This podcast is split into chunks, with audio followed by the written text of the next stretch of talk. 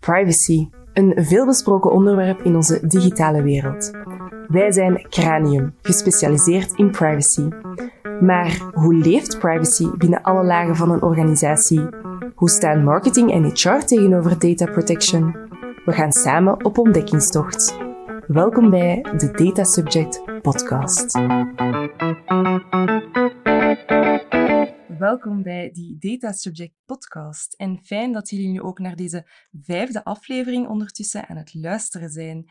Ik, Eulalie, ben er uiteraard weer bij en mag deze keer mijn micro delen met niemand minder dan Florian, HR bij Cranium. Hallo, dag Eulalie. Hoi, hoe gaat het ermee? Alles oké met jou? Fijn, goed, goed, goed, heel goed. Ik zou zeggen, laten we direct beginnen. Oké. Beginnen met de dilemma's. Afgelopen vier afleveringen hebben we dat ook gedaan. Het principe is heel simpel. Ik geef jou een dilemma, twee opties, en jij moet één van de twee kiezen. En je mag altijd toelichten waarom je de een of de andere liever hebt. Oké, spannend. Goed, hier gaan we. De eerste, onboardings of sollicitaties. Sollicitaties. En waarom? De nieuwigheid, nieuwe mensen leren kennen, hun parcours eh, ontdekken, dat vind ik wel spannend. Oké, oké, interessant. De volgende, nooit meer pizza of nooit meer frietjes. Nooit meer frietjes. Dat is niet mijn ding. Nooit meer frietjes. Nee. Nee, veel liever pizza. Ja. Wat is je favoriete pizza? Nee, elke is pasta, niet pizza, Ah, dus toch iets anders. Maar ja. Italiaans, ja. Oké, Oké, de volgende. In het echte leven op ctrl-z kunnen drukken om je laatste actie ongedaan te kunnen maken. Of met je vingers knippen en dan is het huis helemaal opgeruimd. Oh, optie 2. Duidelijk? Ja, heel duidelijk. Oké. Dan de volgende. Een fleurige cv, waar je echt naar de informatie moet gaan zoeken. Of een klassieke cv, waar alle relevante informatie duidelijk zichtbaar is. Optie 2. Ook? Ja. Ja, structuur is... eh, Ja, dat het gewoon direct uitspringt. Dat is voor mij gemakkelijker. Oké. Was het een goede tip voor toekomstige craniummedewerkers? Ehm, en dan onze laatste. Je hebt maar drie uur slaap per nacht nodig, of je kan foto's maken door met je ogen te knipperen. Ehm, hmm, moeilijke vraag. Eh, nummer 2 zou ik zeggen. Ja, met je ogen, ogen knipperen om een foto te maken? Ja. Wordt zo wel eens bij kinderen gezegd, hè? Om Ja. een mentale foto te maken. Ja, en, en van het moment genieten gewoon. Eh, ik denk dat dat, ja, optie nummer twee, want slaaptekort, dat, is niet, dat werkt niet goed bij mij. Florian, ik stel voor dat we eraan beginnen. Ik ben super benieuwd. HR, Ja. privacy, wat wil het allemaal zeggen? Ehm, HR en persoonsgegevens zijn echt heel nauw verbonden, dat weten we allemaal. Maar welke privacy-aspecten ben jij tegengekomen in je job dat je eigenlijk niet had zien aankomen in het begin? Ik moet eerlijk toegeven dat ik in het begin niet bewust was van hoe belangrijk dat, dat was. Dat kan misschien raar klinken, maar ehm, toen ik bij Cranium startte, heb ik echt pas ingezien hoe belangrijk het allemaal was, wat, welke impact het kon hebben. Eh, en leek me dat ook allemaal heel logisch eigenlijk, eh, dat ik daar nog niet eerder had bij stilgestaan. Dus ik zou zeggen dat dat vooral is, dat het dat mij ja, echt wel heeft doen inzien ehm, dat het belangrijk is. En als je kijkt op vlak van HR, zou ik zeggen ehm, dat je soms leuke in- initiatieven kunt hebben eh, op vlak van HR en dat je die eigenlijk niet altijd kunt ja, waarmaken, omdat mensen hun consent geven en zeggen van nee, ik voel mij niet gemakkelijk om op die foto te staan of nee, ik wil niet graag dat er een verjaardagskalender wordt opgezet, want dat is eigenlijk mijn geboortedatum. Het zijn allemaal van die kleine elementen waar, dat we, waar dat ik in het begin helemaal niet even bewust van was. Dat, dat, eigenlijk, ja, dat je daar anders mee moet omgaan eigenlijk. Oké, interessant. En wat is voor jou als HR dan ook de grootste uitdaging als het eigenlijk komt op privacy? Goh, ik zou echt zeggen, gewoon heel, daar heel bewust mee omgaan. Altijd inzien van, oké, privacy, dat is in alles wat je doet eigenlijk binnen HR, zou ik zeggen. En dat je daar altijd correct mee moet omgaan. Dus bij elk ding dat je doet, je afvragen van, oké, gaan we daar wel correct mee om? Ehm, doen we het op de juiste manier? Of moet het nog anders? eh, om ja, iedereen te respecteren eigenlijk. Oké, dus veel vragen stellen Ja. als je ermee omgaat. Oké, en waarom denk je eigenlijk dat het belangrijk is om als HR-medewerker in het algemeen net op de hoogte te zijn van GDPR? Omdat alles wat dat we doen ge- ja, gelinkt is aan heel persoonlijke data eh, van de mensen. Ik denk, in alles wat dat wij doen. Elke, Mhm. Elk gegeven is eigenlijk belangrijk. Dus in elk proces dat je opzet of in elke uitvoering van een zaak komt dat wel aan bod. Dus ik denk dat dat wel cruciaal is dat je daarvan op de hoogte bent. Oké, dus naar de toekomst toe zouden HR-medewerkers een betere GDPR-opleiding moeten krijgen? Zeker, ik denk dat zeker. En ehm, het heel hands-on maken ook. Want als je gewoon over wetgeving spreekt, dat is ook niet altijd heel duidelijk. Maar gewoon in elk proces waar dat je in HR bij terechtkomt, gewoon aangeven van kijk, hier hou daar zo rekening mee. Dit moet je zo aanpakken. Ik denk dat dat heel belangrijk is. Oké, laten we dan misschien even dieper ingaan in sollicitaties. Ehm, het eerste echte contact dat een potentiële nieuwe medewerker heeft, dat is toch altijd met HR. Hoe loopt dat eerste contact meestal? Dat is meestal met HR, zal ik zeggen. Uh, want wij hebben hele goede interne ambassadeurs die ons ook wel heel vaak uh, profielen gaan toewijzen. Maar inderdaad, het eerste officieel contact gaat dan wel via ons zijn. Um, en dat hangt ervan af. Dat kan op verschillende manieren zijn. We kunnen uh, via LinkedIn contact opnemen, of we kunnen ze direct even bellen, of een mailtje sturen. Dat, zal, dat hangt ervan af eigenlijk. Um, maar het eerste contact zal wel met ons zijn, ja. Oké, okay. en zijn jullie op dat moment al in het bezit van de cv's? Of hoe zit dat? Komt dat pas erna? Dat hangt er alweer ook vanaf. Uh, op welke manier dat we in contact zijn gekomen met de kandidaat. Dat kan, uh, uh, ja, dat kan zijn van wel. dan is dat heel gemakkelijk. dan is dat ook wel fijn. Dan heb je direct heel zicht op het profiel.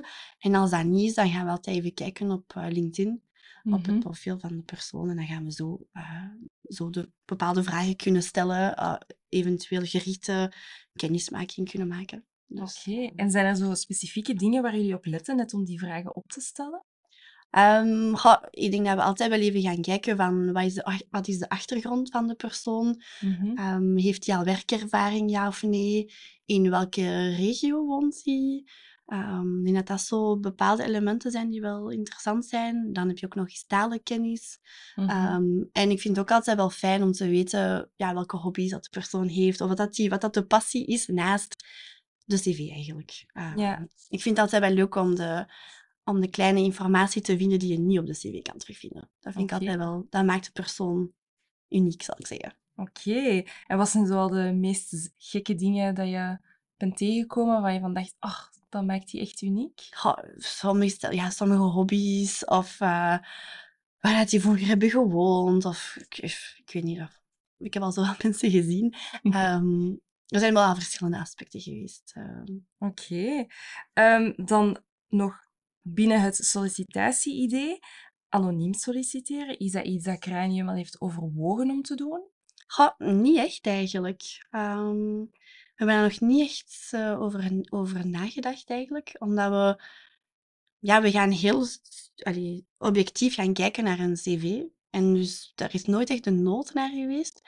Nu, ik denk dat moest ik een anonieme cv zien, ik zou er nog altijd op dezelfde manier naar kijken dan een niet-anonieme cv. Dus mm -hmm. ik maak niet echt dat onderscheid, om eerlijk te zijn. Uh, Oké. Okay. Um, dus nog altijd anonieme cv's zijn hier altijd welkom? Ja, zeker. Maar natuurlijk, hoe ga je ze dan contacteren? Allee, dat is dan misschien een praktische vraag van, hoe neem je dan contact op of, of die Uiteraard. zaken? Uiteraard. Um, maar ik denk dat we daar echt op een heel objectieve manier naar kijken. Dus op zich, um, ik zie dat niet als een echte meerwaarde, zou ik zeggen. Oké, okay, en die cv's, van wie gaan jullie dat allemaal verzamelen en bewaren? We gaan cv's verzamelen van potentiële kandidaten. En wij werken met een externe tool voor alles rond recrutering eigenlijk. Mm -hmm. En op welke manier uh, werkt die tool specifiek? Um, ja, dat is eigenlijk de verschillende um, recruteringsstadia die daarin worden opgenomen. En dan de kandidaten worden daaraan gelinkt. Um, en hun profiel eigenlijk, daar gaan we, ja, zodat ze daar, terecht dat ze daarin zitten, gaan we ook altijd consent vragen.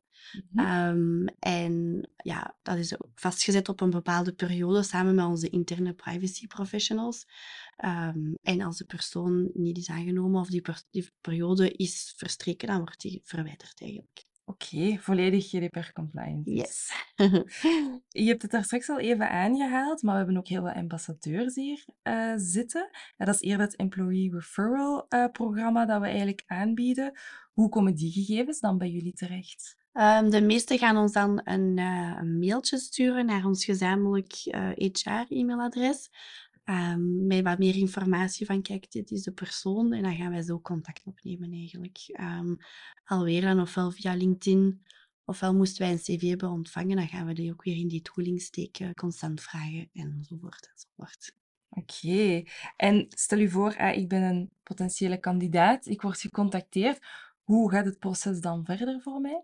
Uh, meestal gaat er dan, ja, ofwel mijn collega Stefanie ofwel mezelf, gaan wij dan contact opnemen. Um, gaan wij een eerst kort kennismakingsgesprek hebben. Dan gaan we, als dat positief is, daar aansluitend een uh, eerste HR-gesprek. Dat is eigenlijk echt kennismakend, heel veel informatie over wie dat we zijn. Dan volgt daar meestal een tweede gesprek uh, met de business, ervaren consultants, mentoren, managers. En dan, als alles positief verloopt, dan zal daar hopelijk een derde um, ja, jobvoorstelsgesprek uit voortkomen. Oké, okay, interessant.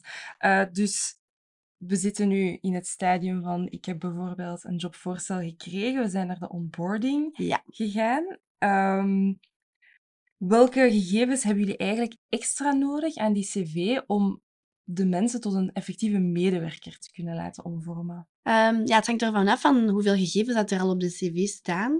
Uh, maar meestal um, ja, hebben we eigenlijk alle officiële gegevens nodig. Dus dan denk ik aan rijksregisternummer, adres, um, bankrekeningnummer, um, rijbewijs. Al, ja, al die elementen, zodat we eigenlijk een echte medewerker kunnen aanmaken in onze payroll tool eigenlijk. Maar alweer daar gaan wij echt strikt nodige gegevens vragen. We gaan daar niet, uh, niet heel ver in.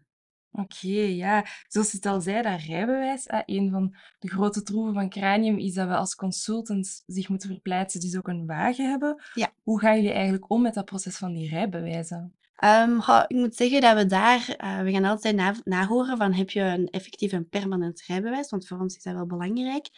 Um, en dan uh, kunnen we dat wel eens vragen, maar we gaan dat nergens bijhouden. Oké. Nee, dat gaan we niet, dat gaan we niet behouden. Ja, dus het is gewoon op jullie woord. Als we het kunnen voorleggen, is het in orde. Ja, we gaan ervan uit dat enkel mensen rijden met een legitiem rijbewijs. uiteraard, uiteraard. Je hebt het daar straks ook even gehad. Um, niet iedereen wil op de foto bijvoorbeeld. Ja. Hoe gaan jullie eigenlijk om met dat type van toestemmingen? Um, we hebben daar uh, ook wel een interne policy rond. Mm -hmm. Maar anders, meestal als er bepaalde events zijn, gaan we dat ook wel meegeven soms. Van kijk, ja, er kunnen foto's genomen worden. Um, maar dan, wat dat we meestal doen, zijn sfeerbeelden of van, echt, van, echt, van waar je de mensen eigenlijk niet kan herkennen. Um, we gaan daar ook wel creatief mee om. Maar de mensen kunnen echt wel altijd zeggen van ja of nee, deze foto zou mogen gepubliceerd worden of niet. En we hebben ook nu recent een interne policy ook. Uh, Okay. Dat echt daar rond gaat. Oké, okay, dus toch heel wat gegevens die we dan van onze medewerkers gaan bijhouden. Waar gaan we dat eigenlijk doen? Um, wij zijn nu gaan werken met een HR-platform. Mm -hmm. Waar dat wij eigenlijk alle relevante data van de personen gaan bijhouden. Um, dat is een extern platform en dat maakt ons leven heel gemakkelijk. Daar staat mm. echt wel alles heel mooi overzichtelijk van iedereen. Um, en dus dat is eigenlijk wel iets goed waar dat we echt wel alle relevante data in gaan bijhouden. Oké, okay, interessant. En um, Cranium staat heel bekend om zijn leuke food parties. Mm -hmm. Zoals we wel op Instagram allemaal gezien hebben. Hoe gaan jullie daar ook specifiek mee om, met dat type gegevens? Want dat is ook wel vrij gevoelig. Ja, dus uh, in het begin, toen waren we nog niet met zo heel veel, dan gingen we Excel-lijstjes bijhouden en na het event gingen we die verwijderen. Maar nu moet ik zeggen dat we vooral eigenlijk op elk event gaan zien dat er verschillende uh, mogelijkheden zijn voor alle typen diëten en allergieën. En dan hebben we dat eigenlijk zo opgevangen. Um, okay. Maar inderdaad, Cranium staat wel bekend voor zijn passie voor, voor uh, eten en leuke events. dat is waar. Zijn er nog andere zo van die typische elementen aan events, zoals bij dat eten, dat zo opvallend zijn, waarmee dat je toch rekening moet houden met de GDPR? Ja, dus ik denk aan bepaalde teambuildings. Uh, als je bijvoorbeeld een sportactiviteit zou, uh, zou doen, mm -hmm. um, dat je daar wel moet rekening houden dat bepaalde mensen eventueel niet zouden mogen meedoen wegens medische reden. En dan zou ik ook wel zeggen dat het wel belangrijk is dat ze dat kunnen meegeven en dat je dat dan naar, ja, delete, want daar moet je daar niet meer van weten. Dat event is voorbij. Um, mm -hmm. Dus dat zou ik aan denken, teambuildings. Um, voor de rest, ja, als je bijvoorbeeld een event zou doen met uh, familieleden, dan zou Mhm. ik ook zeggen dat dat een beetje hetzelfde principe is. Van, is daar eventueel eten of een activiteit of iets anders aan verbonden? Ehm, ja, als dat interessant is, allee, of belangrijk is, vooral om het te weten, dat je dat dan eventueel wel opvraagt voor die personen en dan gewoon direct daarna delete. Oké, dus je hebt het daar straks al even gehad over die medische gegevens bij teambuildings. Hoe zit het eigenlijk met als je ziek bent? Dat zijn toch ook wel medische gegevens. Hoe gaan jullie daarmee om? Ja, dus als iemand ziek is, dan uh, ja, moet hij dat inderdaad wel laten weten aan Kranium dat die persoon ziek is. En um, ja, je hebt recht op drie dagen, um, dat is Belgische wetgeving, afwezigheid zonder ziekteattest. Maar van zodra dat, dat wel het geval is, mm -hmm. um, dan kan je eigenlijk gewoon jouw doktersattest opladen in onze HR-tooling. Eigenlijk. Dat is heel gemakkelijk. Je moet het niet via mail versturen, dat is ook veel veiliger. Direct uploaden in de tool. En dan komt daar eigenlijk alles terecht. Oké, interessant. En hoe zit het dan bijvoorbeeld met een, een werkongeval? Is dat hetzelfde proces? Ja, dat zou eigenlijk op dezelfde manier kunnen werken. Ja, dus uh, de juiste persoon op de hoogte brengen daarvan alweer. En dan kan je inderdaad gewoon het, uh, het attest van de, voor de verzekering bijvoorbeeld direct uploaden in die tooling. Um, om eigenlijk zo, zo weinig mogelijk um, data via mail te versturen. Ik denk dat dat echt wel het veiligste is. Mm -hmm, absoluut. En ook gemakkelijk voor opvolging. Dus, ook, ook veel meer structuur, veel ja. meer overzicht. dat kan ik best geloven. Oké, okay, dus stel je voor, een medewerker heeft er een aantal jaren gewerkt en beslist dan toch om te vertrekken, wat heel spijtig is. Ja, maar... inderdaad, dat hebben we niet zo graag, maar dat kan spijtig genoeg voorkomen. Kan altijd wel eens gebeuren. Um, wat is het proces dan? Hoe wordt er dan eigenlijk omgegaan met die gegevens dat die persoon aan ons gegeven heeft? Ja, we hebben daar eigenlijk een, uh, ik zal zeggen, een soort checklist van, een soort stappenplan van oké, de persoon vertrekt. Um, ja, hoe gaat dat dan zijn naar, naar exits, naar accounts die we gaan afsluiten, naar mailbox, naar al die zaken. Mm -hmm. um, en dan naar HR toe gaan we echt wel de laatste payroll afwachten, zou ik zeggen. Een keer dat dat volledig is afgesloten, dat alle legale documenten verstuurd zijn, dan uh, gaan we echt wel dat, prof dat profiel eigenlijk gaan activeren, zal ik zeggen, alweer in dat HR-platform. Mm -hmm. um, en dan gaan we daar eigenlijk echt enkel wel de nuttige data bij houden, zou ik zeggen. En wat versta ik daaronder? Dat zijn voor mij um, ja, de contactgegevens, dat je de persoon nog wel kunt contacteren. Moest er nog iets, zeg maar iets, een boete toekomen, mm -hmm. of uh, moest er nog een brief verstuurd worden, dat je dat wel gemakkelijk kan. Uh, maar voor de rest gaan we zoveel mogelijk data gewoon archiveren en uh, ja, na een bepaalde periode, allemaal wettelijk bepaald, gewoon ook verwijderen eigenlijk. Oké, okay. je hebt het bijvoorbeeld gehad over dat adres om een boete op te sturen. Mm -hmm. Zijn er nog andere interessante gegevens voor HR waar jullie zeggen, oh, dat houden we bij, omdat dat ergens wel nodig is om bij te houden? Uh, ik zou zeggen een e-mailadres. Um, ja, de gsm-nummer, echt een heel concrete contactgegevens, zou ik zeggen. Ook al kan dat natuurlijk altijd wel veranderen. Um, maar ik zou vooral die gegevens zeggen. Ja, alle concrete gegevens van telefoonnummer, e-mail, postaaladres, die zaken. Ja, oké. En ik denk als, als afsluiter, misschien wel een moeilijke vraag, maar toch wel altijd interessant om te horen. Wat is volgens jou eigenlijk de grootste uitdaging dat HR gaat hebben in combinatie met privacy in de toekomst? Ja, ik denk dat er voor HR heel veel uitdagingen uh, voor de boeg zijn, heel interessante uitdagingen. Als je kijkt naar ja, het welzijn van mensen, dat meer meer plaatsneemt binnen bedrijven, um, verschillende generaties op de werkvloer, um, heel competitieve arbeidsmarkt. En ik denk dat daar um, de combinatie met privacy gewoon altijd heel interessant gaat zijn. Van bij elk ding alweer rekening houden van welke impact heeft dat op de, op de gegevens van onze mensen. Welke initiatieven kan je nemen.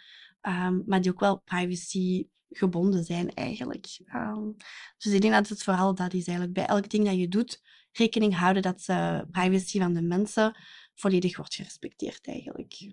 Oké, interessant. Mooie ingewikkelde toekomst nog, maar uh, ik hoop dat het zeker goed komt. Florian, ik wil jou enorm bedanken om hier vandaag te zijn. Dank je, Lali. Uh, ik hoop dat jij de luisteraar er ook hebt van genoten. En ik zou zeggen, tot de volgende keer. Dag. Benieuwd naar meer? Bezoek cranium.eu, schrijf je in op onze nieuwsbrief en blijf op de hoogte van de wonderenwereld van privacy. Tot binnenkort!